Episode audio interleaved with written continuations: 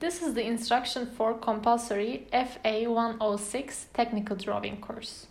The course coordinator is Assistant Professor Begüm Erçevik Sönmez.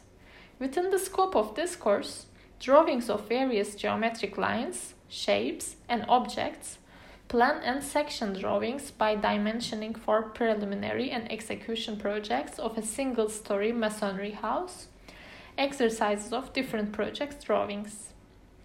The aim of this course is to teach the methods of technical drawing as a design language that students use in everyday design works and to give the ability of architectural drawing with scale concept.